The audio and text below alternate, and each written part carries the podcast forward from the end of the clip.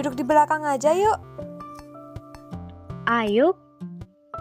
Eh, kamu tahu nggak sih BTS ngeluarin lagu baru loh kemarin? Oh ya? Aku pengen dengerin deh, tapi bingung dari mana.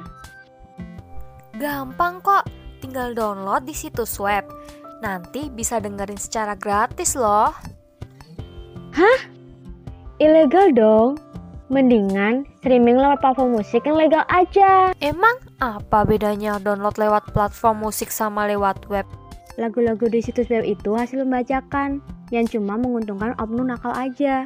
Kasian kan kalau para musisi rugi karena karyanya dibajak?